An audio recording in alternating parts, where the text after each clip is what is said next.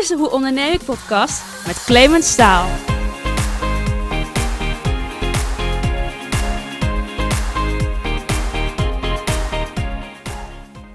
Welkom bij deze aflevering van de Hoe Onderneem ik podcast.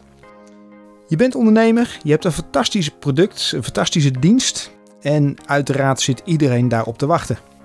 Maar soms zal je je product of je dienst ook echt moeten verkopen. Nou, dan zit je vandaag in deze podcast goed. Want ik ga een gesprek hebben met een echte sales trainer, René van Stijn. En René is al jaren bezig in sales, geboren in Amsterdam in 1970 en al ruim 20 jaar actief in de sales. Uh, met zijn kennis en ervaring uh, traint hij andere mensen, andere ondernemers, traint hij accountmanagers op het gebied van sales, op het gebied van verkoopgesprekken. En hij maakt daarvan ook, of daarin ook gebruik van NLP, neurolinguistisch programmeren. Volgens mij een super interessant gesprek. We gaan het ook hebben over de Seven Habits. We gaan het hebben over de manier van acquisitie plegen, netwerken en andere varianten. Uh, volgens mij genoeg geïntroduceerd. Ik wens je heel veel plezier met dit gesprek.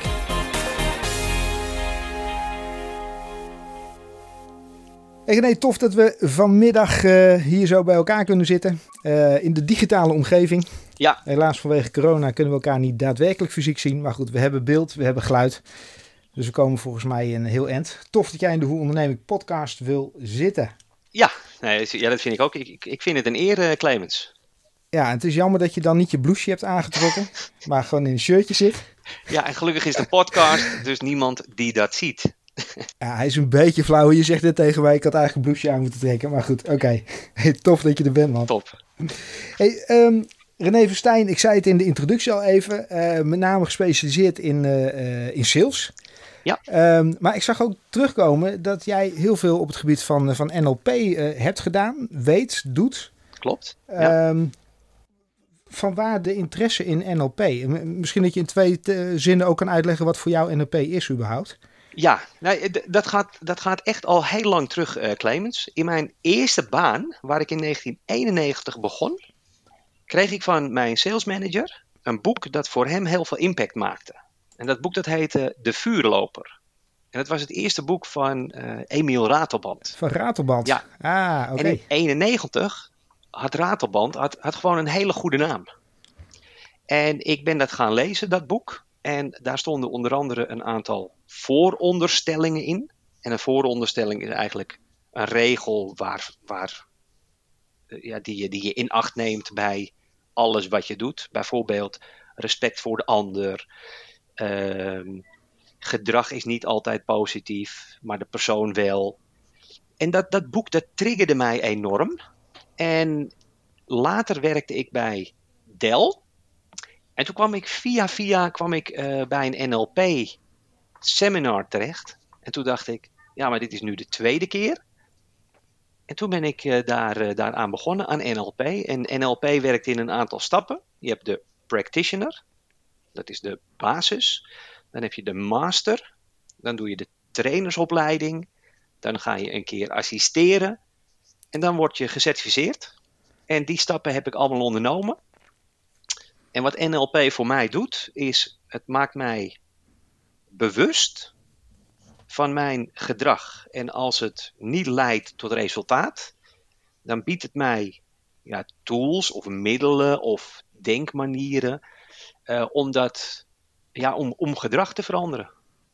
Dat, dat is het voor uh, mij vooral bewustwording. Jouw interesse dan met name, ben je dat gaan doen vanuit de gedachte veel, ik, ik heb daar zelf wat aan? Of ik, ik kan een ander daar iets mee, uh, mee helpen? Of ik kan er iets mee doen voor een ander? Uh, toen ik het boek las, was het vooral voor mijzelf. En toen ik mm -hmm. uh, de training ging volgen, toen was ik er al van overtuigd dat ik hier, naast mijn verkoop, andere mensen ook mee kon gaan helpen.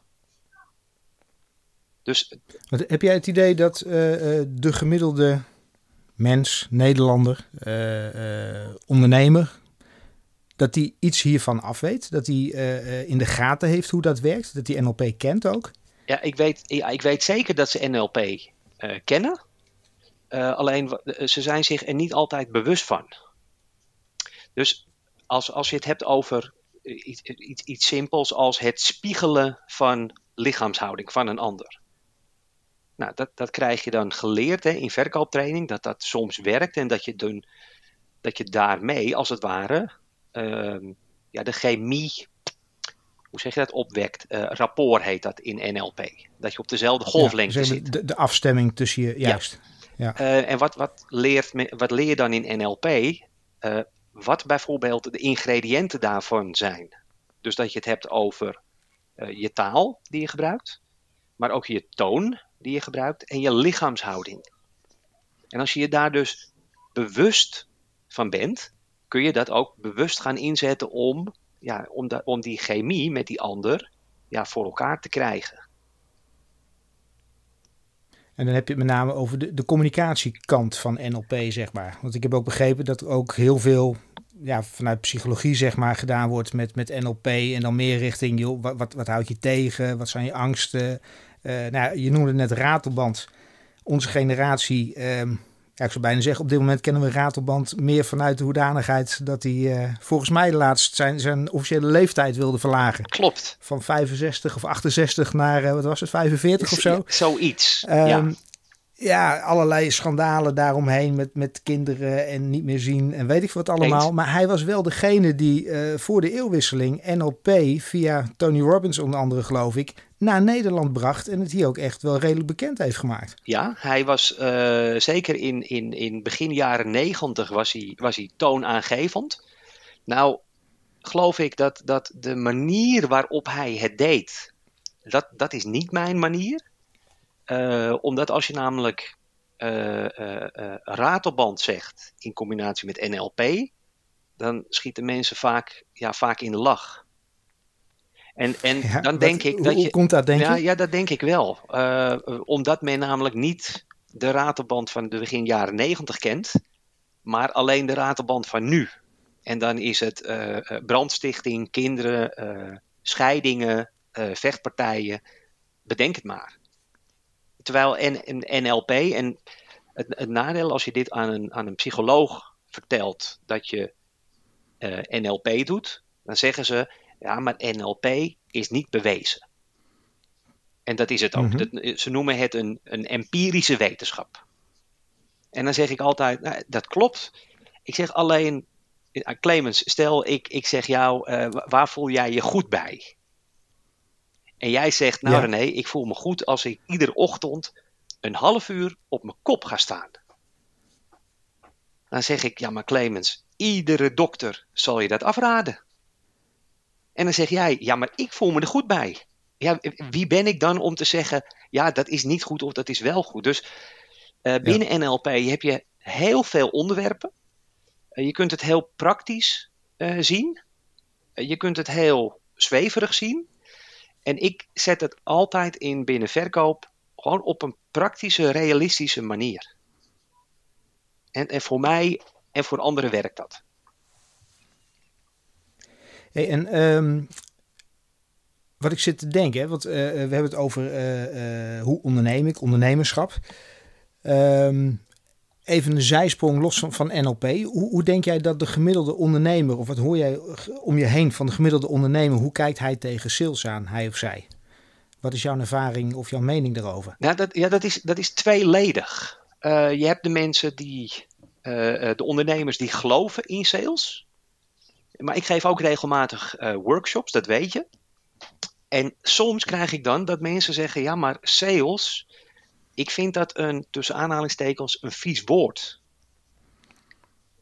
En ik zeg, ja, oké, dat snap ik. Nou, dan kom je op het gebied van mindset. En dat zit ook weer heel erg in, in NLP. Ik zeg, wat zou er gebeuren als jij verkopen gaat zien als het helpen van een ander? Het helpen, het verhelpen van een probleem.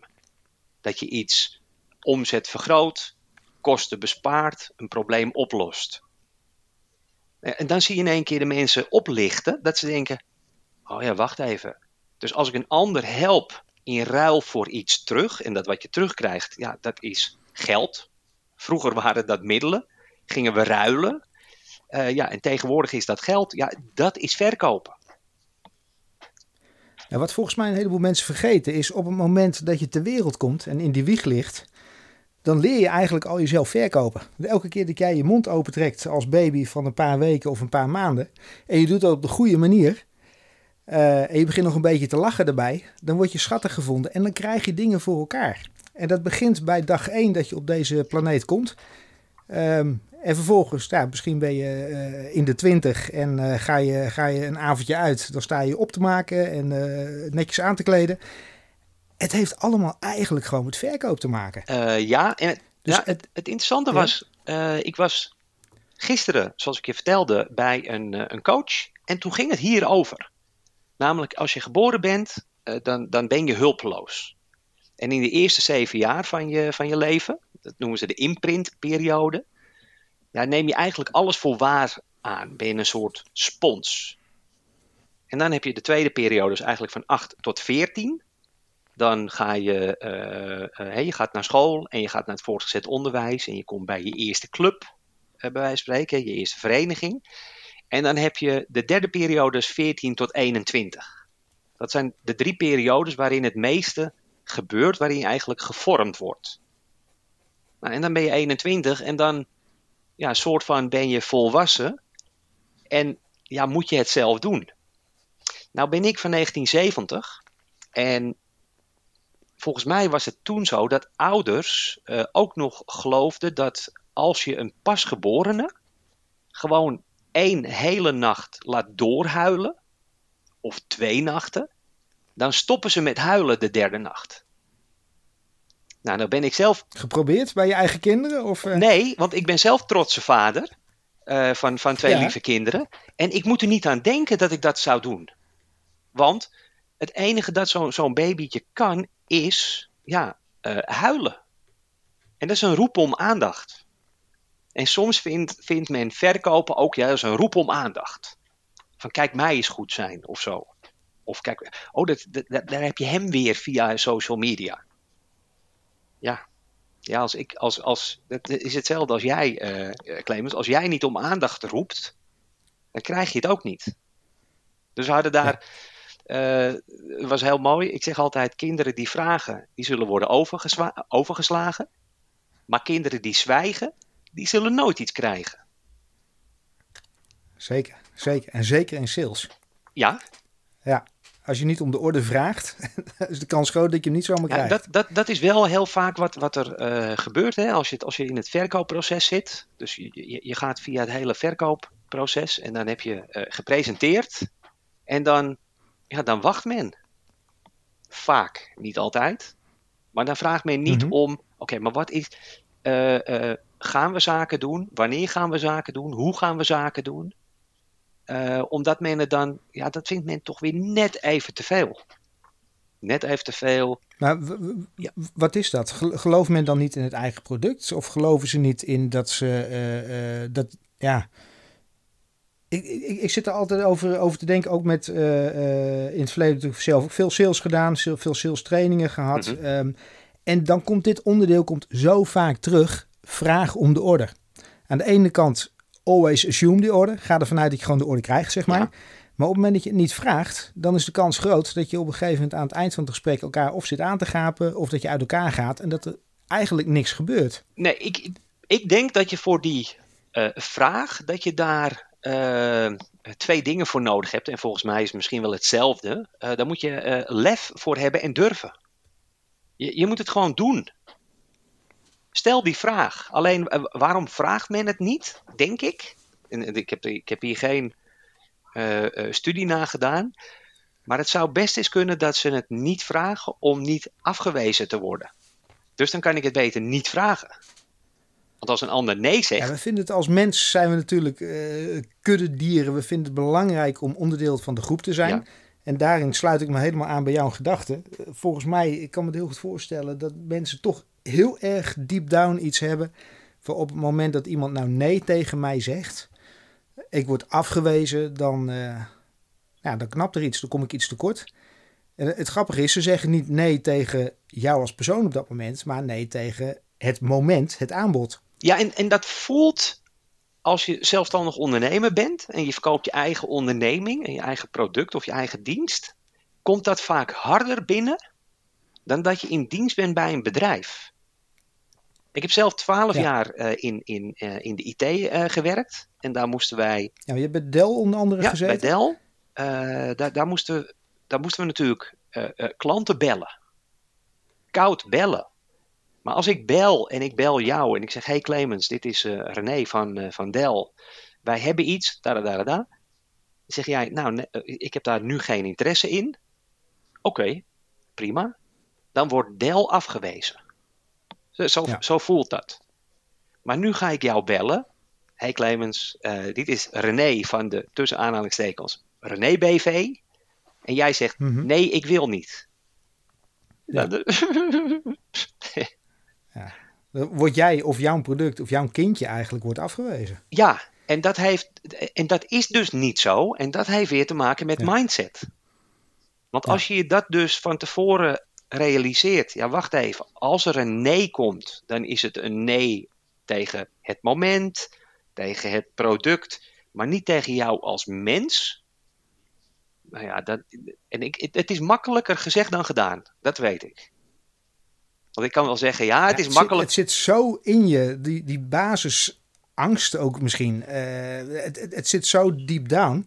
Ja, Dat op het moment, zeker op het moment dat je daar niet van bewust bent. En dat ligt natuurlijk ook in het lijn van, eh, van jouw vak, de trainersvak, om dat wel naar boven te krijgen en mensen daar bewust van te maken. klopt. Eh, op het moment dat je dat niet bewust bent, ja, dan, dan maak je eigenlijk die fout keer op keer. Of dan heb je die angst keer op keer, zonder dat je er eigenlijk erg in hebt. Eens.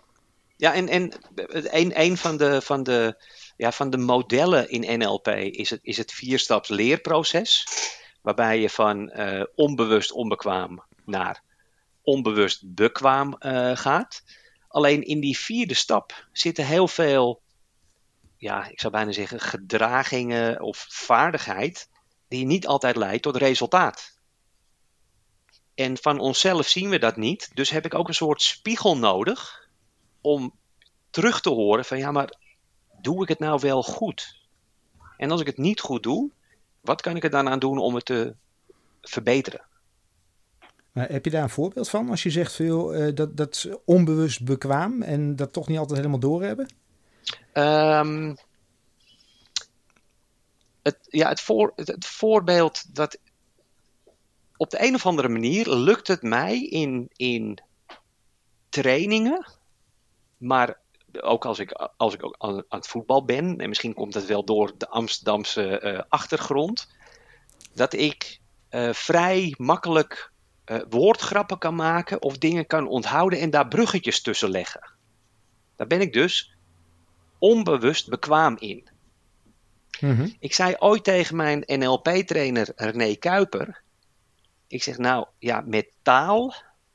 Hadden we een hele lijst met allerlei dingen die we moesten leren. Van ja, maar wat is dat dan? Ja, is een nominalisatie en dit is een weglating. En ik zeg nou, ik heb niks met taal. En hij keek me aan. Hij schoot in de lach. Hij zegt, jij hebt niks met taal. Ik zeg nee, ik heb niks met taal. Nou, dat is dus zo'n moment waarop iemand jou een spiegel voorhoudt en zegt: Ja, maar René, jij hebt heel veel met taal, alleen je weet gewoon niet de etiketten te plakken. Ja, je bent je er niet bewust van. Oh, dat, ja, dat is het.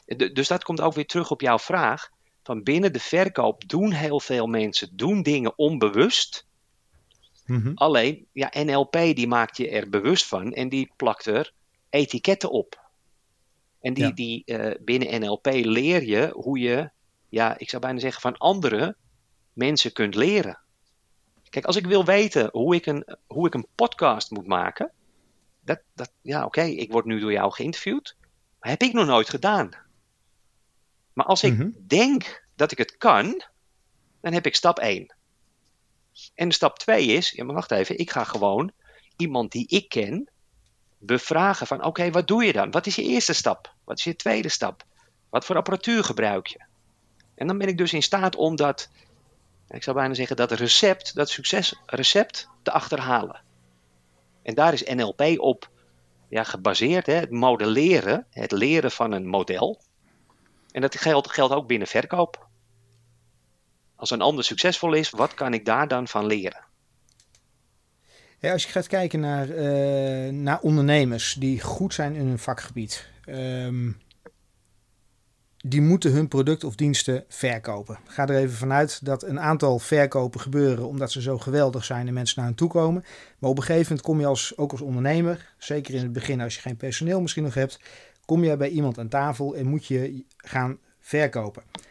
Dan is een van de opmerkingen die jij terecht maakt, joh, dan moet je wel om de orde vragen. Mhm. Ehm, wat, wat voor twee of drie tips zou jij verder hebben waar een ondernemer morgen of vandaag nog op kan letten, waardoor die gewoon een hogere scoringskans heeft? Nou, ik denk dat stap 1 is dat je, uh, je gaat niet naar een, naar een prospect om, uh, om te verkopen. Je gaat naar een. Ja, maar ik wil toch omzetten? Dat snap ik. Alleen je gaat naar een. Naar een als jij namelijk naar een prospect gaat om te verkopen, en het lukt even niet, dan sta je meteen 2-0 achter. Als je naar een prospect gaat om te helpen en een gesprek te hebben en in het gesprek te horen waar zitten haakjes, dan, dan, dan praat je gewoon van mens tot mens in plaats van klant-verkoper. Want van mens tot mens praten gaat, gaat gewoon veel makkelijker. Dus uh, een hele goede uh, uh, vriend van mij, Arnold Steenbeek, die had ooit een keer de uitspraak: hoe minder je moet, hoe meer je ontmoet. Hmm, nou, dat vond ik echt een hele, hele toffe. Want als jij, uh, en dat zit ook in bepaalde verkoopmethodes, als je nee oké okay maakt, dan, dan ben je gewoon veel relaxter. Ja. Ik heb een naïeve, positieve overtuiging dat ik jou kan helpen. En wil je het niet? Oké, ook goed. Ja. Dus, ja, en die nee is geen nee definitief. Hè? Ik bedoel, die nee kan ook op dit moment nee zijn. Of er moet nog iets veranderd worden aan de prijs, aan het product, aan je dienst, aan je aanbod, aan misschien niet nu, maar misschien volgende maand of volgend jaar. Ja, en ik, ik, ik, daar kun je, in mijn optiek kun je daar op twee manieren op reageren, inderdaad. De eerste is, uh, oké, het is een nee. En dan ook de klant wel uitdagen. En, en als jij ja, een goede verstandhouding hebt, dan kan ik jou aankijken met een, met een grote glimlach op mijn gezicht. En dan zeg ik: Hey Clemens, is dit een, een tijdelijke nee of een permanente nee? Ja. En stel dat het een permanente nee is, oké, dit is een nee voor jou. Voor wie denk jij dat dit wel van toepassing kan zijn? Hmm. Dus je vraagt in feite om een referral ook? Een ja, aanbeveling? Om, ja, om, ja, om een, om een, probeer de doorverwijzing. Doorverwijzing, ja. Want dat, dat, dat is ja, toch per saldo wat uh, een hoop mensen het prettigste vinden. Dus met andere woorden, waar ja. kom ik binnen bij een bedrijf? Is dat mm -hmm. na al mijn verkoopacties die ik zelf heb uh, gedaan? Of mm -hmm. kom ik daar binnen doordat iemand uit mijn netwerk heeft gezegd: Wacht eventjes, uh, je zou eens een keer met René moeten gaan praten. Die heeft mm -hmm. niet alle antwoorden paraat. Alleen ik weet zeker dat hij jou kan helpen met A, B, C. Oké, okay, en vervolgens zit ik daar en dan heb ik dat gesprek. En dan zegt die klant van, uh, of die potentiële klant van, nou ja, nee, ik denk het toch niet. Dan stel jij die vraag van, oké, okay, uh, ja, voor wie zou het dan mogelijk wel interessant willen zijn? Heb ik dan die klant al afgeschreven dan? Nee. Nee, want een, een, een, een als het een, een tijdelijke uh, nee is, of als zeggen ze een permanente nee, uh, de persoon met wie je het gesprek heeft, die kan zeggen, nou nee, dit is een nee of dit is een permanente nee. Maar die persoon die, uh, die kan wel een andere functie krijgen. Die persoon die kan naar een andere organisatie gaan. Er komt weer een nieuwe persoon. Dat betekent niet dat je een prospect die je ooit benaderd hebt, waar je op dat moment niets kan doen, dat, dat die niet verandert. Want alles verandert. Het enige, dat, het enige constante is ja. de continue verandering. De verandering, ja. Nou, waar ik ook even naar zat, uh, zat te hengelen of te vissen eigenlijk, uh, maar je pakte hem anders beet, uh, is dat ik zit te denken, ja, ik kan me goed voorstellen dat je zit in een gesprek, die klant die zegt nee, vervolgens hebben we het met elkaar over van oké, okay, waar, bij wie zou dit dan wel van toepassing zijn? Mijn persoonlijke ervaring is dan dat op een gegeven moment zo'n klant gaat vertellen um, en op een gegeven moment gaat hij dan nog meer feiten blootleggen van wat hij doet. Waardoor je op een gegeven moment zegt: hé, maar als ik dit hoor, dan heb ik toch wel een, uh, een oplossing voor je. Of dan past dit wel, of op een andere manier zou het passen. Waardoor je uiteindelijk toch nog steeds gewoon uh, mogelijk een verkoop kan, kan creëren daar bij die klant. Ja, nou ja, enerzijds heeft het uh, ermee te maken als een klant niet met je in zee wil gaan. dan is het ook belangrijk om te achterhalen waardoor dat komt. Mm heel vaak is het dan een, zou bijna zeggen, een rationele uh, antwoord dat je krijgt. Maar er zit altijd een gevoelniveau onder. Uh, wij spreken dan altijd over de FUT factor. Fear. De FUT factor? Ja, fear, uncertainty of doubt. Ja, angst of onzekerheid en daarmee twijfel. En dan gaan mensen het niet doen. Dus wat maakt nou dat ze twijfelen? Waar komt dat door? Mm nou, eh, de een eh, is daar heel open en transparant in en een ander die gaat er uh, omheen. Alleen als ik in het begin van een gesprek beter in staat ben om een connectie te leggen, qua persoon, qua manier van praten, dat ik de juiste vragen stel, waardoor ik de juiste pijnpunten achterhaal, dan kan ik ook op, de, op een betere manier presenteren. Dat betekent niet dat alle uh, presentaties uh, succesvol zijn, maar dan is de afwijzing aan het eind, ja, die, die breng je dan in ieder geval terug. Dus wat vaak gebeurt is dat we te snel gaan verkopen. En dat, in plaats van helpen en op die manier op een goed, aan een goed einde komen. Ja, dat is hetzelfde als jij bij, bij de dokter komt. Als, jij, als je naar de dokter gaat, wat, wat gaat die dokter doen? Nou ja, ik, ik hoop eerst vragen wat er aan de hand is, in plaats van gelijk pillen voorschrijven. Ja, dus dat is, dat is, mijn, dat is altijd mijn advies. Uh, uh, stel vragen, vraag door. En zelfs als je dan een antwoord krijgt wat, wat je niet helemaal begrijpt, ja, vraag dan door. Wees, wees open, transparant. Als iemand zegt, uh, ja, kosten zijn voor mij belangrijk. Ja, daar, daar hebben we een, een bepaalde voorstelling van. Maar is dat ook de voorstelling die die prospect heeft? Ja, uh, weet ik niet. Dus ik, ik zal dus verder moeten, moeten graven bij de ander. Dus niet gelijk genoegen nemen met het antwoord wat, uh, wat je klant geeft? Nee. Precies dat, inderdaad. Uh, het, ge het gebeurde regelmatig, ja? uh, uh, vooral in den beginnen. Ik doe nu dit werk 15 jaar. Dat, in den beginnen? Ja, in den beginnen toen ik pas verkooptrainer was. Dat iemand vroeg... Het broekje René, ja. Wat zeg je? het broekje ja, René? het broekje René inderdaad. dan werd er gevraagd van, ja, kun jij verkooptraining geven? En dan zei ik, nou, dan pakte ik mijn agenda... En dan zei ik, nou, wanneer, wanneer wil je uh, dat de mensen getraind worden? Ja. En uh, uh, hoe groot is die groep en wat is het onderwerp? Ja, dat, dat is natuurlijk beginnersfout nummer één. Mm -hmm. Want ik moet weten... Want? Vertel even. Nou ja, want ik moet weten, waarom, beste klant, of hoe komt het dat jij denkt dat een verkooptraining de oplossing is? Ja. Jij zeggen, de, misschien is er, halen ze hun targets niet. Oké, okay, dat snap ik wat maakt dat ze hun targets niet halen? Mm-hmm. Dus dan ga je terugredeneren en dan hoor je eigenlijk veel meer. En misschien is de oplossing wel een sales training, maar misschien is het wel iets heel anders dat je moet, uh, uh, uh, moet doen. Misschien zit het wel niet bij de maar verkoper. Ik kan me voorstellen, op het moment dat iemand vraagt van... joh, ik wil een training hebben, dat jij eager bent en denkt van... oh, omzet, opzet, yes, gelijk erin rammen in je agenda en we zien het wel. Ja. Binnen die En dan is één van de uh, verkoopmethodes die, ik, uh, die wij ooit hebben gebruikt binnen Dell, dat was Creating Customer Value. En zij hadden daar een, een, een, hele mooie afkorting en dat was een Mojo. Mojo. Move off your own solution. Oké, okay, als je die oplossing nou niet hebt, waar komt een prospect of een klant, waar komt die voorbij je? Wat wil die nou?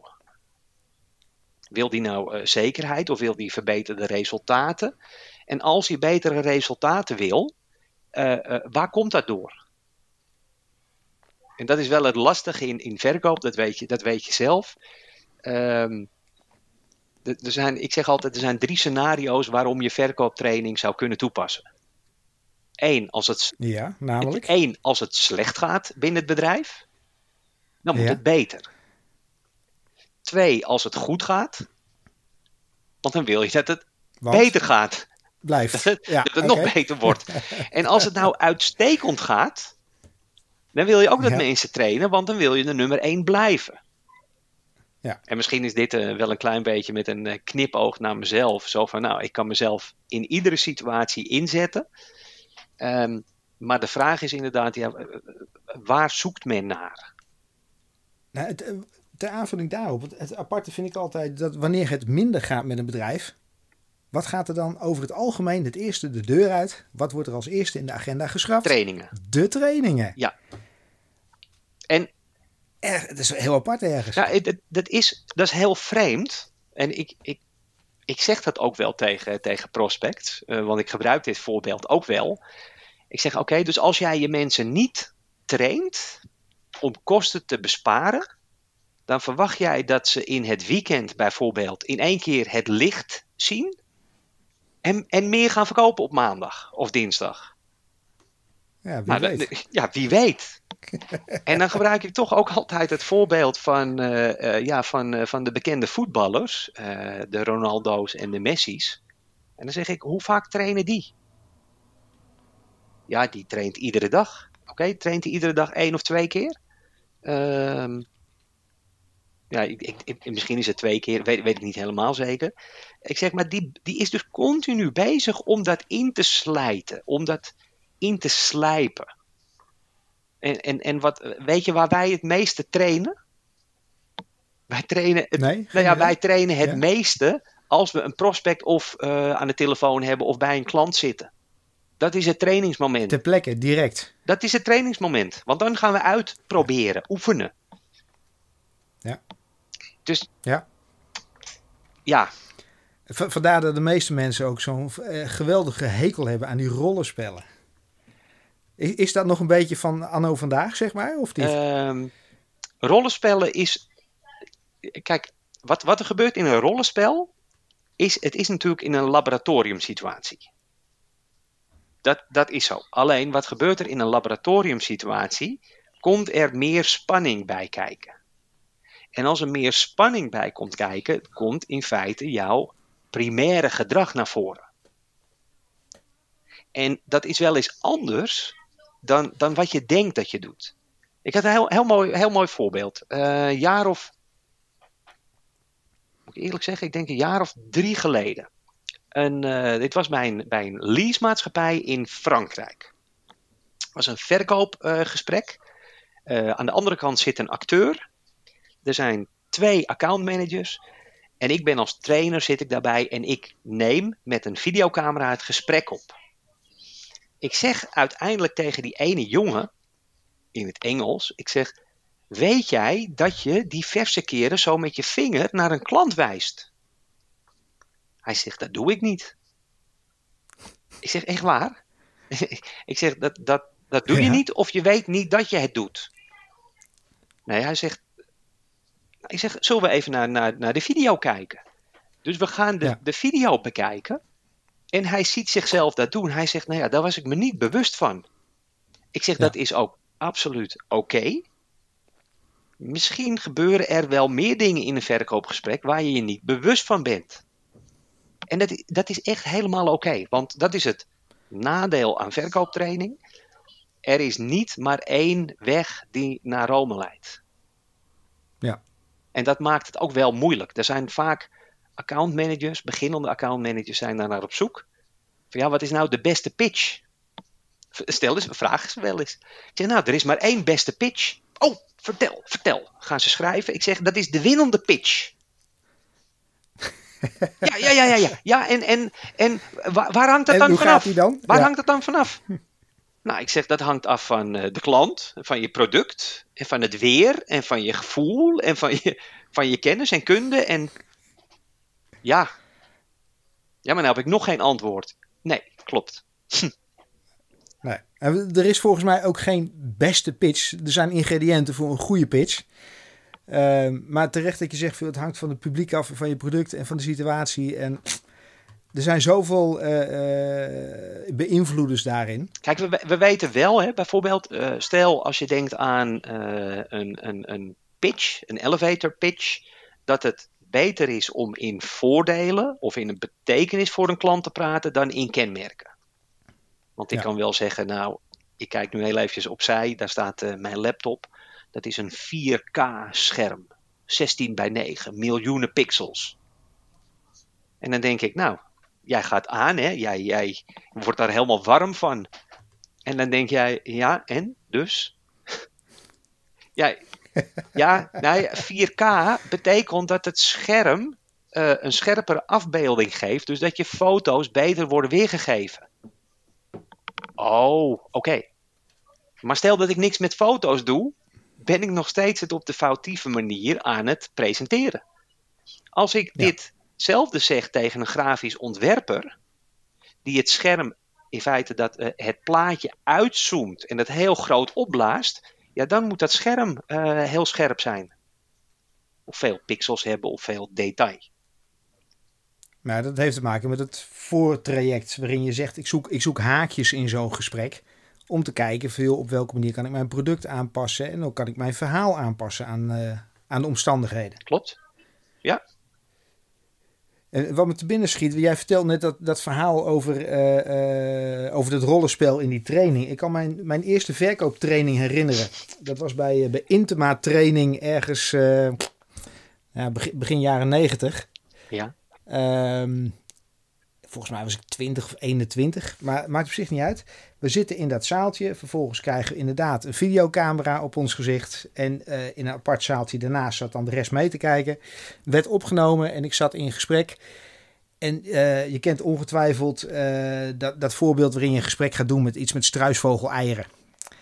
Uh, het een moet dan eigenlijk de, de, ja, de, schil, de buitenkant van het ei en hebben. de ander de juist, inhoud. En de ander wil de binnenkant. Juist, nou goed. En komen we samen maar uit. Maar goed, dus wij voeren dat gesprek. Daarna zit ik weer in, die, in dat zaaltje, wordt het geëvalueerd.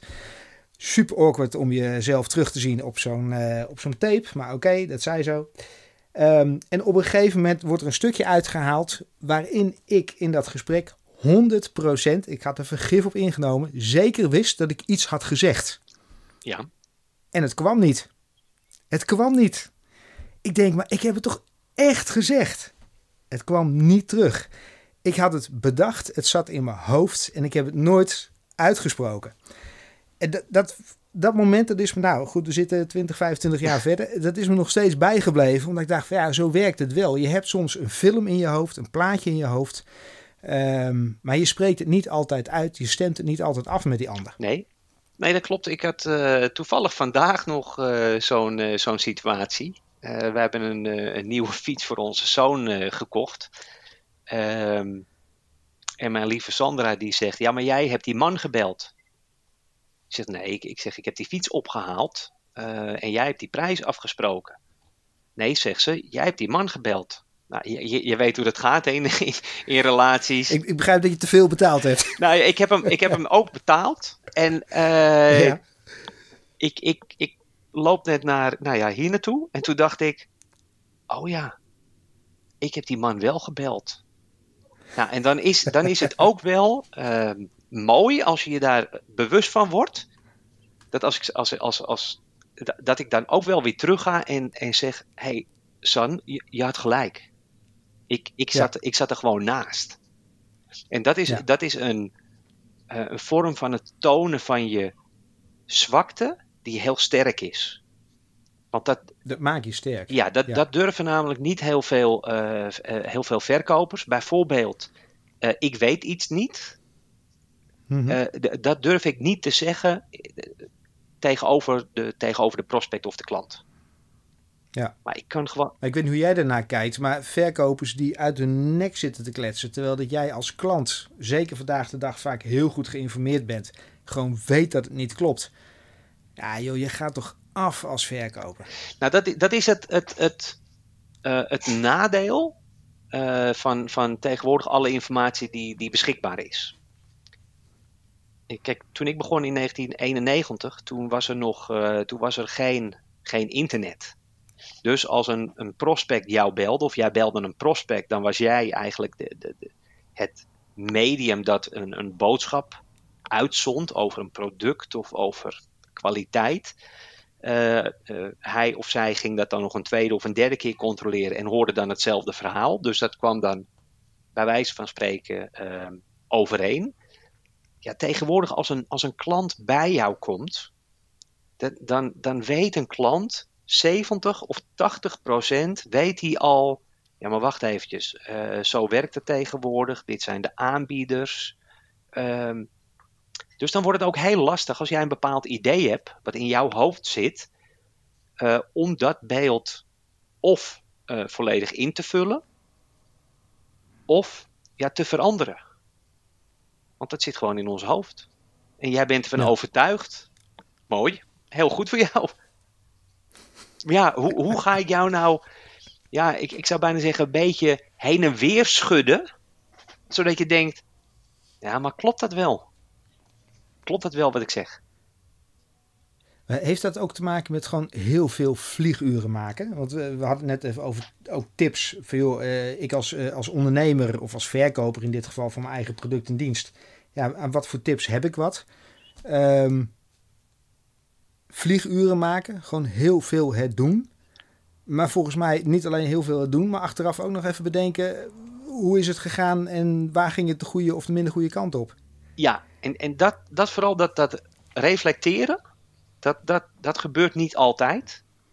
Uh, nee, de klant heeft het altijd gedaan. Ik heb een fantastisch voorstel gedaan en de klant heeft het niet begrepen. Of hij vond het te duur. Ja, nou, als uh, een klant het niet begrepen heeft, dan uh, gaan we naar dat is, de NLP-techniek oorzaak en gevolg. Ja? Als het gevolg is dat een klant mij niet begrijpt, heb ik het niet goed uitgelegd. Altijd. Als een ander zegt, ja, maar ik heb je niet begrepen. Oké, okay. Heb ik dan gecontroleerd of jij het begrepen hebt? Bijvoorbeeld. Als iemand zegt, je bent te duur, dan ziet hij of zij bij wijze van spreken niet de waarde in van wat je uh, kunt leveren. En ik, uh, wij, ja, ik heb dat wel diverse keren uh, gezegd. Bij wijze van spreken, hoe kun je nou van het prijsargument afkomen? Ehm, Stel, een klant zegt, ja, je bent te duur. Dan zeg ik, oké, okay, Clemens, jij bent mijn, uh, mijn prospect. Uh, je hebt dus al een, een aanbieding ergens uh, liggen. Als je nou van die aanbieding 1 euro afhaalt, dus van je laagste aanbieding, je haalt daar 1 euro vanaf. Betekent het dan dat ik de goedkoopste ben? Ja, toch? De, dan, en als ik daar ja, onder ga ja, zitten, ja, 1 euro, dan ben ik de goedkoopste. 1 euro eronder, ja. Nou, dan stel ik de vraag: oké, okay, stel dat ik er 1 onder, euro onder ga zitten. Mm -hmm. Ga je dan zaken met mij doen? Wat zegt men dan 8 van de 10 keer? Uh, je, je zou eigenlijk moeten zeggen: ja, dat klopt. Yes. Maar in de praktijk zullen ze waarschijnlijk zeggen: nee, ja, nee, want. Oh. En dan komt er waarschijnlijk een ander verhaal, of niet? Klopt, ja. Oh, dus er spelen ook andere zaken. En dat begrijp ik, want prijs is niet altijd doorslaggevend. Want we weten allemaal ja. dat er ook bedrijven zijn waarbij je extra, een extra hoge prijs betaalt aan de voorkant. Omdat bijvoorbeeld het product qua energie over de hele looptijd veel meer bespaart ja. dan een ander product. Wat ja. tijdens de aanschaf, uh, ik zou bijna zeggen, 10% goedkoper is. Ja. Dus dat, ja, dat noemen wij dan weer uh, hè, zo mooi de, de total cost of ownership. Wat kost mm-hmm. iets bij aankoop en wat kost iets als je het de hele tijd blijft gebruiken? Ja. ja dan ga je al op een andere manier praten. Ja. Dan ga je, ga je op een financiële manier praten.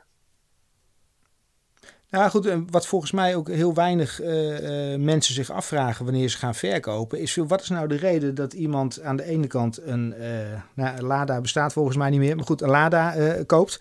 En aan de andere kant misschien iemand anders een Rolls Royce koopt. En daar zit nog een heel scala tussen. Maar als je daarover na gaat denken, eh, en je hebt het ook dan automatisch over, over imago, over prijs, over beschikbaarheid van kapitaal, over afschrijvingen, over maandelijkse kosten die jij net noemt. Ehm, en ik heb toch vaak het idee dat, dat over verkoop heel makkelijk wordt gedacht. Van, oh, we, we bieden het product aan en als de klant het niet wil, dan snapt hij het niet. Ja, ik maak, ik maak ook altijd die vergelijking met een auto. Stel dat ik die Lada neem of die Rolls Royce. Ze gaan alle twee van A naar B. Echt waar, serieus. Eh, eh, Daar gaan we vanuit hè, dat die Lada het, het doet en dat die Rolls Royce het ook doet. Dus die gaan ook doet, ja. alle twee van A naar B. Ja, waar- waarom Ja. kiest de een voor het een Ja. en voor het ander? Nou ja, dan, net wat jij zegt, dat kan zijn imago, dat kan zijn eh, winst, bijvoorbeeld. Hè? Dus Mhm. eh, iemand kan kiezen voor een, laten we, laten we het, het, het mooie voorbeeld noemen, kan kiezen voor een Tesla, omdat dat eh, aansluit bij zijn imago of bij zijn status. Maar iemand kan ook kiezen, en toevallig heeft een vriend van mij ooit een, een showroom Tesla gekocht. Die werd, eh, die werd heel laag geprijsd. Daar kreeg hij subsidie voor. Ja, want destijds kreeg je subsidie. En hij krijgt een hele lage bijtelling. Dus dan is dezelfde auto, bij de een is het imago of status. Ja. En voor hem Ja. was het ja, eh, eerder een, een, een gewin. Uiteindelijk vindt hij het ook een hele mooie auto. Dus het straalt ook wel af. Maar de- daar zijn dus eh, verschillende ehm, ja, drijfveren. De- eh, vooral de drijfveren die zijn essentieel als je dat weet van, van mensen. En ehm, eh, wat, wat soms verkopers ook wel vergeten is dat ze, bij, vooral bij grotere investeringen, heb je te maken met meerdere mensen. Ja, de zogenaamde decision making De unit. decision making Of een unit. besluitvormend team. Weet Ja. je, de mensen die er iets over te roepen hebben, die, als jij met één persoon eh, een contact hebt, is dat prachtig, maar op basis waarvan nemen die anderen een beslissing? Op basis van wat voor, wat, wat vinden zij belangrijk? Wat willen zij terugzien? Wanneer, zi- zijn, wanneer, ben je, wanneer kun je hun succesvol maken? Ja. Ja, als ik, als ik dat niet weet, dan, dan richt ik al mijn pijlen op één persoon. Ja, en dan eh, als, die, als er iets gebeurt met die persoon, of die persoon die gaat weg bij dat bedrijf, ja, dan heb ik in één keer een probleem. Zie jij in de, in de afgelopen jaren ook heel duidelijk dat, dat verschil in, eh, in verkopen, zeg maar? Waar vroeger in de jaren tachtig het, eh, eh, nou goed, internet was er niet. Dus jij was de expert. Je verkocht het product ter plekke, hard selling. Eh na nu steeds meer, ja, wat ze noemen volgens mij consultative selling. Veel meer de consultant zijn en kijken veel... Mogelijk is mijn product niet eens de beste oplossing, maar is dat ergens anders. Maar ik help u, eh, beste klanten, wel mee. Ja, ja dat, dat, dat, zie, dat zie je. En omdat er ehm, zoveel eh, concurrentie aanwezig is online en, en offline, ja, roept iedereen op aandacht. En omdat iedereen om aandacht roept, ja, hoe, hoe weet ik dan nog waar ik terecht moet? Dus als ik een expert tegenover me heb die met name meedenkt in mijn straatje in plaats van in zijn eigen straatje, dan, dan heb je al voordeel, hoor ik je zeggen. Ja, en het, wat, wat, wat ik merk eh, heel vaak is dat een accountmanager ehm, alles doet om succesvol te zijn in de verkoop. Alleen als er geen klik is, dat hij dat wel voelt, maar dat hij er niet naar luistert. En dat is Even opzij. ja, en dat is ook op de een of andere manier. Je, je weet als accountmanager: oké, dit gaat hem niet worden. Omdat we niet de klik hebben, bijvoorbeeld. Nou, als je dan in een, in een verkoopteam werkt, hè, of, of echt in een, in een groter bedrijf, als je dat ervaart, dan, ja, dan zeg ik ook: oké, Clemens, dit is niet mijn. eh, met deze contactpersoon kan ik niet makkelijk door een deur, ondanks wat ik allemaal inzet. Ehm, zou jij een keertje mee kunnen gaan? Want. Ja. En dan, dan, dan doe je het veel meer vanuit een team. eh, vanuit, een, ja, vanuit een team effort.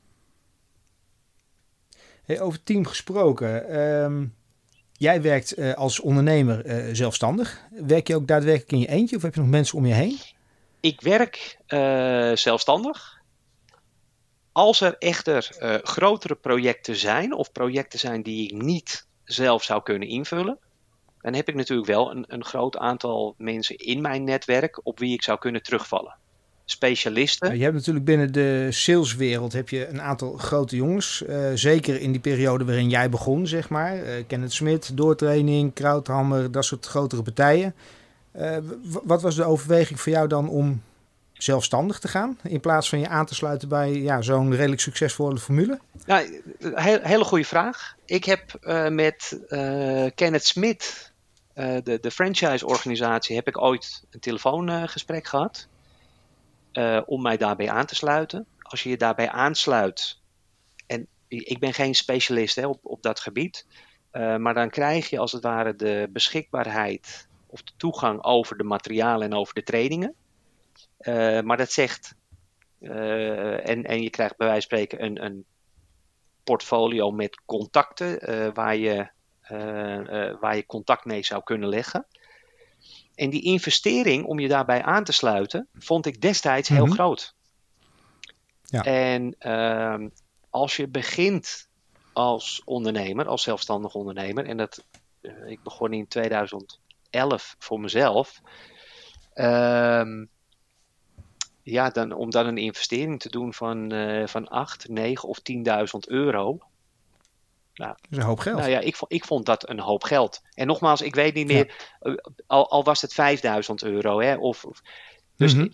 ik, ik, dacht, nou nee. Uh, en kan ik dit op, op eigen houtje doen? Nou, en blijkbaar uh, uh, lukt dat. Ja. En hoe, hoe, creëer jij impact dan? Ik bedoel, want je, je, je kan er een prima boterham aan verdienen, heb ik de indruk. Ja. Uh, maar hoe, hoe, zorg jij dat je aan, aan klanten komt, dat mensen je weten te vinden? Ja, dat is, dat is heel. Uh, ik, ik zet daar een aantal uh, ja, activiteiten voor in of dingen voor in. Um, netwerken. Nou, weet je, ehm, ik zit bij een, bij een netwerkclub waar we wekelijks bij elkaar komen waarin je vertrouwen. Ja, in deze podcastserie komt wel eens vaker de naam BNI voorbij. Okay. Dus, ja. Uh, BNI, uh, daar bouw je vertrouwen in op. Daar weten mensen dus, oké, waar kunnen we René voor, uh, voor inzetten? En ik durf hem binnen mijn netwerk ehm, ehm, aan te bevelen. Dat is één. Ja. Um, ja. Als, je, als je kijkt naar social media, social media is stap twee. Is je, je mm -hmm. moet daar aanwezig zijn, uh, zodat je kunt laten zien wat je doet. Mm -hmm. Nou, ik doe dat zelf uh, uh, vooral op LinkedIn, Facebook en Twitter en Instagram iets minder. Want op LinkedIn mm -hmm. zit mijn doelgroep. Ja. En, en, en hoe doe je dat dan? Op LinkedIn bijvoorbeeld?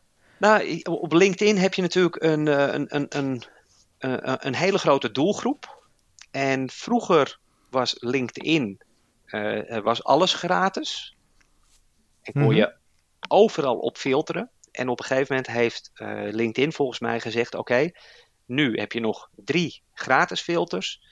Maar als je net zoveel wil filteren als voorheen, dan ga je gebruiken van de Sales Navigator of van een premium account. Nou, ja. En dat gaat trouwens best hard, want dan betaal je opeens 50, 60 euro per maand, zag ik. Um, ja, alleen als je, als je kijkt naar die, dan kijk je weer naar, naar de kosten. Want dan zeg je, oké, okay, dat, dat, is, dat kost mij op jaarbasis 500 euro of 600 euro. Mm -hmm, mm -hmm. En dan komt meteen de NLP-techniek naar boven. Is, praat je nou over kosten of praat je over een investering?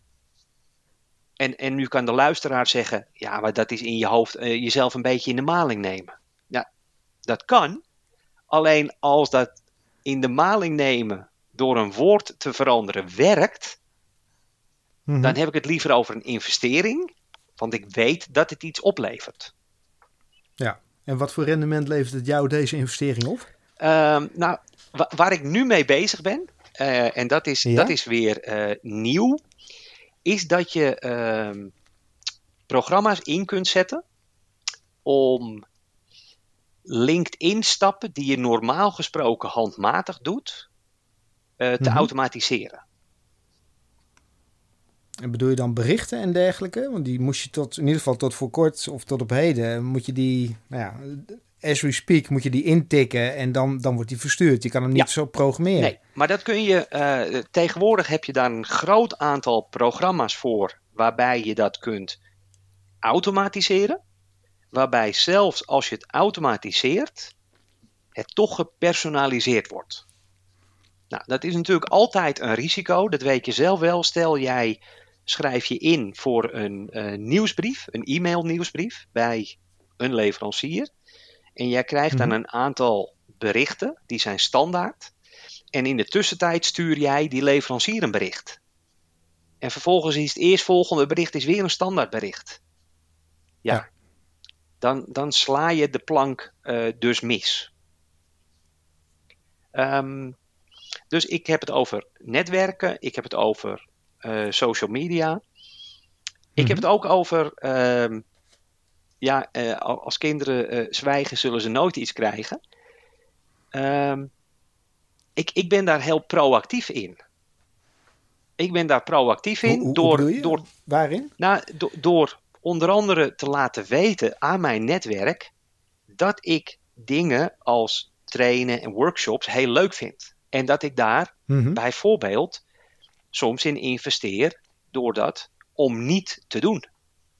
Nou, dat, dat weet je. Dus Ja. Ik- ja, je geeft online ook de nodige workshops en trainingen en je kondigt dat via LinkedIn aan, zag Ja. ik. kijk, en dat, Consults. kijk dan, dan is bij wijze van spreken een consult of een Mhm. workshop voor nou ja, hè, het ROC of voor, ehm, nou, eh, bedenk het maar. Daar geef ik een workshop. Wat levert mij dat op? Ik blijf in mijn energie. Voor mij is dat, is dat essentieel. En ik heb, Mhm. en dan komen we weer, de naïef positieve overtuiging dat ik mensen kan inspireren en motiveren en dat ze mijn naam onthouden. En dat is te vaak Ja. gebeurd dat ik vraag van ja, maar hoe kom je dan bij me? Nou, mijn zoon heeft een keer training van je gehad als een HR-directeur. Ik zeg oké, en wie is die zoon dan? Ja, die en die en die. Ik zeg, oh, maar dat is grappig, dat is zes jaar geleden. Ja, maar hij moest meteen aan jou denken. Nou, Tof. dat gebeurt niet Ja. bij iedere prospect, dat gebeurt niet bij iedere klant. Alleen ik vind dat, ja, ik vind dat, eh, ik vind dat geweldig. De, de- noem het de ambassadeurs. ik ergens een, eh, een, een opmerking tegen in het kader van eh, impact creëren. Ehm, dat jij de ambitie hebt om je eigen boek te schrijven. De schoonheid van mijn salesfout. Is dat nog steeds een ambitie? Ben je al begonnen? En hoezo de schoonheid van mijn salesfout? Ja, nou, eh, de, de, de- kijk, stap 1 is de titel heb ik. En dat is de schoonheid van mijn salesfout. Ja, ik weet niet of die ook heel lekker bekt als die eenmaal in de, bij de Bruna ligt. Maar oké. Nee, nou, dat is wel weer interessant. Ik heb daar een, eh, destijds een poll over eh, gedaan, volgens mij, of op Facebook Ja. of over, toen nog op LinkedIn, ik weet het niet. Welke titel vond je, vind je het beste? Is het de schoonheid van mijn fout of 100 sales tips om geen fout te maken? Nou, dus dat heb ik uitgetest. Ehm, Ik zeg namelijk altijd als ik mijn trainingen geef, dat je als je wil leren van andermans fouten, ben je bij mij aan het juiste adres. Mhm. En Je hebt er wel wat gemaakt. nou ja, ja ik, heb er, ik heb er heel wat gemaakt, ook, ook als trainer, maar ook als accountmanager. Ja, en dat, daar zitten gewoon fenomenale, waar ik nu om kan lachen, echt geweldige fouten bij. Dat ik denk, oh, hoe kun je zo, eh, je kunt zeggen dom, of je kunt zeggen, hoe kun je zo niet slim zijn? Nou, ik zeg, op dat moment zei ik gewoon dom. Ja. Ehm, Ja, niet wetend waarschijnlijk. ja, ja, maar ook dat je dingen doet. Ik, ik verstuurde ooit iets per e-mail aan een inkoper. En op het moment dat ik het verstuurd had, keek ik nog eens goed wat ik verstuurd had. En dat was namelijk een overzicht van de offertes, waar ook de, de, de marges in stonden. nou, naar een Ja, inkoper. en bedankt. Hoef ik niet uit te leggen. Dus die inkoop, Nee, die zijn wel gehaald. ja, dus die inkoper die belt mij terug. Ik zal niet de achternaam noemen, maar het was Jos. Eh, dus Jos die belt mij op. En die zegt: René, ik heb dat lijstje van je gehad. daar staan ook percentages in. Wat zijn die percentages? Ja, en toen kwam ik toch wel in een soort dilemma. Van ga ik nou eerlijk zijn of ga ik er nu een draai om? eh, Ga ik er een, een draai aan geven? Toen heb ik er een draai aan gegeven. Want ik heb gezegd, Ja, zoals een goed verkoper betaamt, hè? ja, en- nou, ja, ja, ja en nee. In, in, in dat geval eh, heb ik gezegd, nou Jos, dit, zijn de, eh, eh, dit, dit is de kans dat wij verwachten dat de deal doorgaat. Oh ja, hij zegt dus, dus de, de, de weging als het ware. Een slagingskans. Ja, de slagingskans. Nou, oké, goed dat ik het weet. Dus hij legt de telefoon neer. Ik denk dat hij toen meteen naar zijn collega is gegaan. En hij heeft gezegd: Wat denk Ja. je wat René zei? Dat het de wegingskans is. We weten alle twee dat het zijn marges zijn. Ja, hij lag onder de tafel van het Ja, lachen. ja, Ja, dus ja, dat, dat is een van mijn grootste fouten Ja, op, ja. op verkoopgebied. En, en ja, als, als trainer ja, heb ik ook een ja, ah, ja, geweldige fouten gemaakt. ja, Mooi, mooi. ja, Hey, ehm, jij bent eh, eh, fan van Tony Robbins, zag ik, eh, zag ik ook langskomen. Ja. Ehm, ook geweest bij hem toevallig, of niet? ja, ik ben daar twee keer geweest. In Oké. 2001 en in 2002. Nou, Dat is wel even geleden. Ja, dat is, e- dat is even geleden. Ehm, ja, eh, eh, geweldig. Echt geweldig. Ik, eh, ik weet nog heel goed, het was, het was geweldig weer. En ik, ik was nog nooit bij zo'n evenement geweest. Het was in Frankfurt, in de Frankfurter Messe. En ik was daar met een collega. En iedereen liep daar op, op slippers en op, in korte broeken en polo's. En er liep één man in een driedelig pak. Ja. Waarom trek ik een driedelig pak aan? En dan ook Ja. nog op dezelfde avond over Ja. hete kooltjes lopen. In je driedelige pak. Ja, Ja, Ja. heerlijk. ja, heerlijk. maar Hey, als jou om een, eh, om een boekentip zou vragen, zou dit dan eh, Tony Robbins ook een, een boekentip zijn? Of zeg jij van nee, ik heb, ik heb nog wel andere waar een, eh, nou, waar een ondernemer, misschien een jonge ondernemer die net begint, waar die echt inspiratie uit kan halen, waar die wat aan heeft? Ja, er zijn, er zijn een aantal boeken die ik, die ik sowieso gebruik. Ehm, het, eerste boek, het eerste boek dat aansluit bij voorbereiding als het gaat om, om het verkoopproces eh, zijn de, de Seven Habits. De Seven Habits, Mhm. Seven? Habits of Highly Effective People van Stephen Covey. In datzelfde eh, boek wordt, wordt ook iets genoemd over eh, time management. Mhm. En in de, volgens mij in het eerste hoofdstuk worden ook de cirkel van invloed en de cirkel van betrokkenheid genoemd. En hij zegt, eh, hoe meer je focust op de cirkel van invloed, ja, Mhm. hoe meer je eigenlijk eh, verantwoordelijkheid neemt voor je gedrag. En hoe, eh, hoe meer je leert van alles wat je meemaakt. Ja.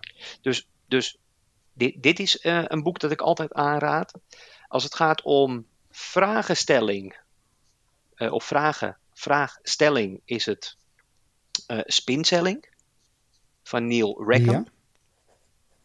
Spin is een eh, methode. Ja, is een afkorting voor eh, situatievragen, probleemvragen, impactvragen en eh, nuttig vragen. Dus wat heb je dan nodig? Mhm. Ehm, als het gaat om positioneren, dus om presenteren, dan, heb je, dan, dan eh, raad ik aan pitch anything. En als het gaat om afsluiten, dan is het getting to yes. Oké. Ja, en ik, kan, ik zou ook nog wel mijn kast kunnen open eh, trekken, want daar staan nog heel veel, uit. heel veel eh, boeken. Maar er komt wel altijd, de, dezelfde stappen zitten daar wel min of meer in. Ja. En terwijl ik je deze vraag stel over zeven boeken, of over zeven boeken, over, eh, over boeken, ehm, zit ik te denken, ja, het is natuurlijk aan de andere kant ook weer een beetje old school. Ben, ben jij ook van, van de podcast op, op jouw vakgebied, zeg maar? Of van, eh, van, van YouTube? Of Eh. waar haal jij je informatie vandaan op dit moment? Eh, nou, ik ben nu sinds een jaar ben ik, maak ik gebruik van podcasts. Het, hè, het luisteren van, van podcasts. Ehm, en nou ben ik heel even op zoek naar die, de naam. En jij, jij kent hem zeker. Victor Antonio. Ja, Ja, ja, ja, dat, ja, ja. dat is er eentje. Eh, Dan heb je eh, nog zo'n podcast die heet de Sales Graphy. Ja. Ja, dat, dat- dat- da- daar zitten korte podcasts in. En wat ik dus leuk vind, is, is om bij wijze van spreken die, die zaken te combineren. Dus met andere woorden, stel dat ik een keer eh, naar buiten ga om, eh, om, om heel eventjes 10 minuten te lopen, 10 minuten te wandelen. Dan luister ik naar een podcast.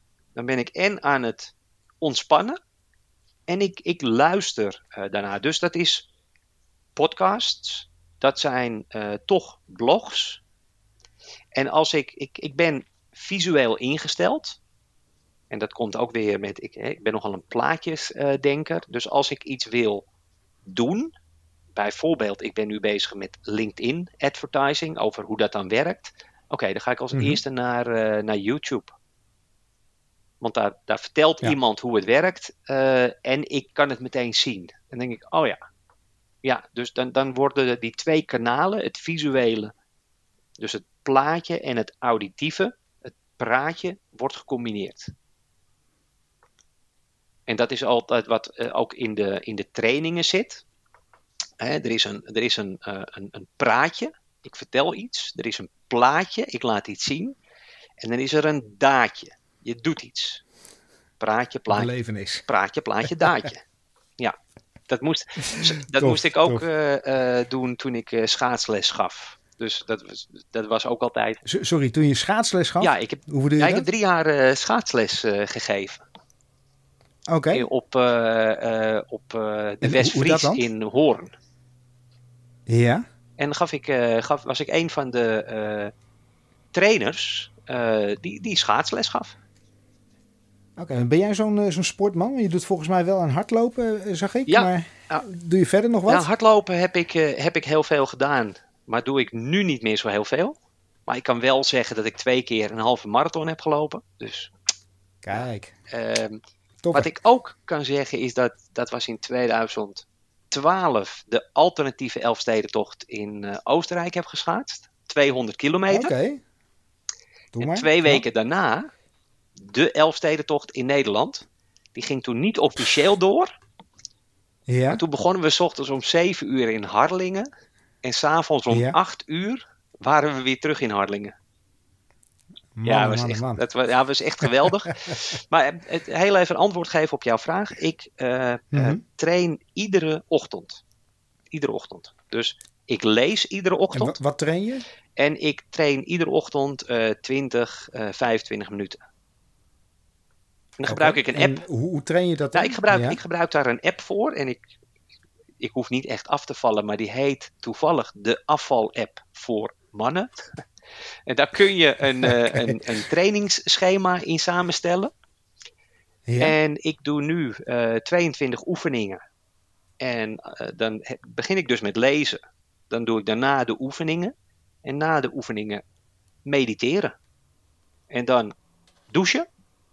En dan ben ik, ja, dan ben ik vaak eh, een uur eh, verder. En dat is een uur, ja, Mhm. voor mij, mijn, mijn tijd. Ja. En doe je dat dan 's ochtends eh, eh, op een onmogelijk tijdstip? Of wel, eh, wel acceptabel terwijl het de rest ook opstaat? Ja, kijk, onmogelijk, dat, dat is natuurlijk wa- wat we denken. Ja, let maar op het woord impossible. Als je tussen de i en de m een kommaatje aan de bovenkant zet, dan staat er I'm possible. Maar het is om 6 uur. Ik, stap, ik, ik sta om 6 uur op. En waarom om 6 uur? Omdat hier in huis doorgaans ja, om 7 uur eh, ja, de rest wakker wordt. Spitsuur. Ja, dan wordt het spitsuur. dus dan heb ik ja, mijn activiteit al, al gedaan. Ja, Ja. tof. tof. Hey René, richting eh, de einde van deze podcast. Ja. Aan jou de vraag. Welk onderwerp of welke, welke vraag heb ik niet gesteld? Waarvan je denkt, oh, dat, dat moet nog even ter tafel komen. Welke vraag heb je ehm, niet gesteld? Uh, nou, misschien uh, de vraag hoe je als ondernemer om moet gaan met onzekerheid. Want uh, zeker als je, als je nu kijkt in de huidige tijd, het is een onzekere, een onzekere tijd. de inkomsten die, die, die vallen in sommige gevallen vallen ze voor 60, 80 procent weg. Ja, ja. Ho hoe ga je daarmee om? Dus die vraag heb je me, heb je me niet gesteld. Uh, maar daar heb jij vast wel een, uh, een, gedachte over. Nou, ik vind, ik vind dat zelf ook, ook wel lastig, omdat uh, ik ben ook een mens. En ik kan wel um, weten hoe dat werkt hè, in je hoofd, qua, qua gedrag, et cetera. Maar dat is vaak makkelijker bij een ander te verhelpen dan bij, dan bij jezelf. Het is een beetje als de mm -hmm. schilder die bij jou heel mooi schildert, maar thuis bladdert de verf. Ja, ja. Um, dus wat ik geleerd heb de afgelopen, uh, nou ja, zeker de afgelopen drie maanden, is dat je vast moet houden aan je proces. Vasthouden aan je structuur. Um, mm-hmm. Praktisch gezien, mijn trainingen die, die zijn bewijs van spreken, net als bij menig trainer, zijn ze uh, komen stil te staan. Ja. Ik hoef ochtends vroeg niet meer ergens naartoe. Dus dat betekent mm -hmm. dat ik zou kunnen zeggen, nou weet je wat, dan blijf ik langer in mijn bed. Ja. Maar nee, ik ga er bewust vroeg uit. Ik hou structuur in mijn dag. Ik doe mm -hmm. activiteiten op het gebied van acquisitie, administratie, uh, om zelf in mijn energie te blijven. En ik geloof echt dat als jij een positieve intentie hebt, dat je dat echt met een positieve intentie doet, dat het ergens links of rechtsom een keertje terugkomt. En, en komt ja, het niet meteen absoluut. terug, ja, dan heb ik er in ieder geval heel veel plezier in gehad om, uh, ja, om toch anderen iets, iets mee te geven. Sowieso belangrijk. Als je er zelf plezier in hebt, dan werkt het uh, vele malen beter dan wanneer je het met tegenzin doet natuurlijk. Ja, eens. Tof, tof. Nee, ik ga jou uh, heel erg hartelijk bedanken voor, voor deze podcast, voor dit uur, voor dit gesprek. Super. Ja. Tof om jou uh, op deze enthousiaste manier uh, te spreken. Volgens mij hebben we een heleboel waardevolle zaken uh, zijn in ieder geval de revue gepasseerd. Ja. En ik ga jou snel spreken, man. Okay. Dankjewel. Helemaal goed. Super. Graag gedaan. Ja, wat een tof gesprek. Met een hoop zaken waar jij volgens mij echt wat aan hebt. Wat je morgen kan toepassen. Sales is toch een, een mooi vak. En met de tips die je vandaag hebt gekregen, moet het vanaf vandaag, vanaf morgen, voor jou een stuk beter gaan, hoop ik. Nou, dit was het voor vandaag en hopelijk heb jij het ook waardevol gevonden. En ik ben natuurlijk benieuwd wat jij vond van deze podcast. Dus laat even een comment of een review achter op de plek waar je deze podcast hebt gevonden. En tof ook als je deze podcast gaat delen met anderen of anderen hierop attendeert. Wil jij er geen eentje missen? Klik dan even op abonneer of op volgen. En wil je in contact komen, dan kan dat via de bekende kanalen zoals LinkedIn of info@hoeondernemik.nl.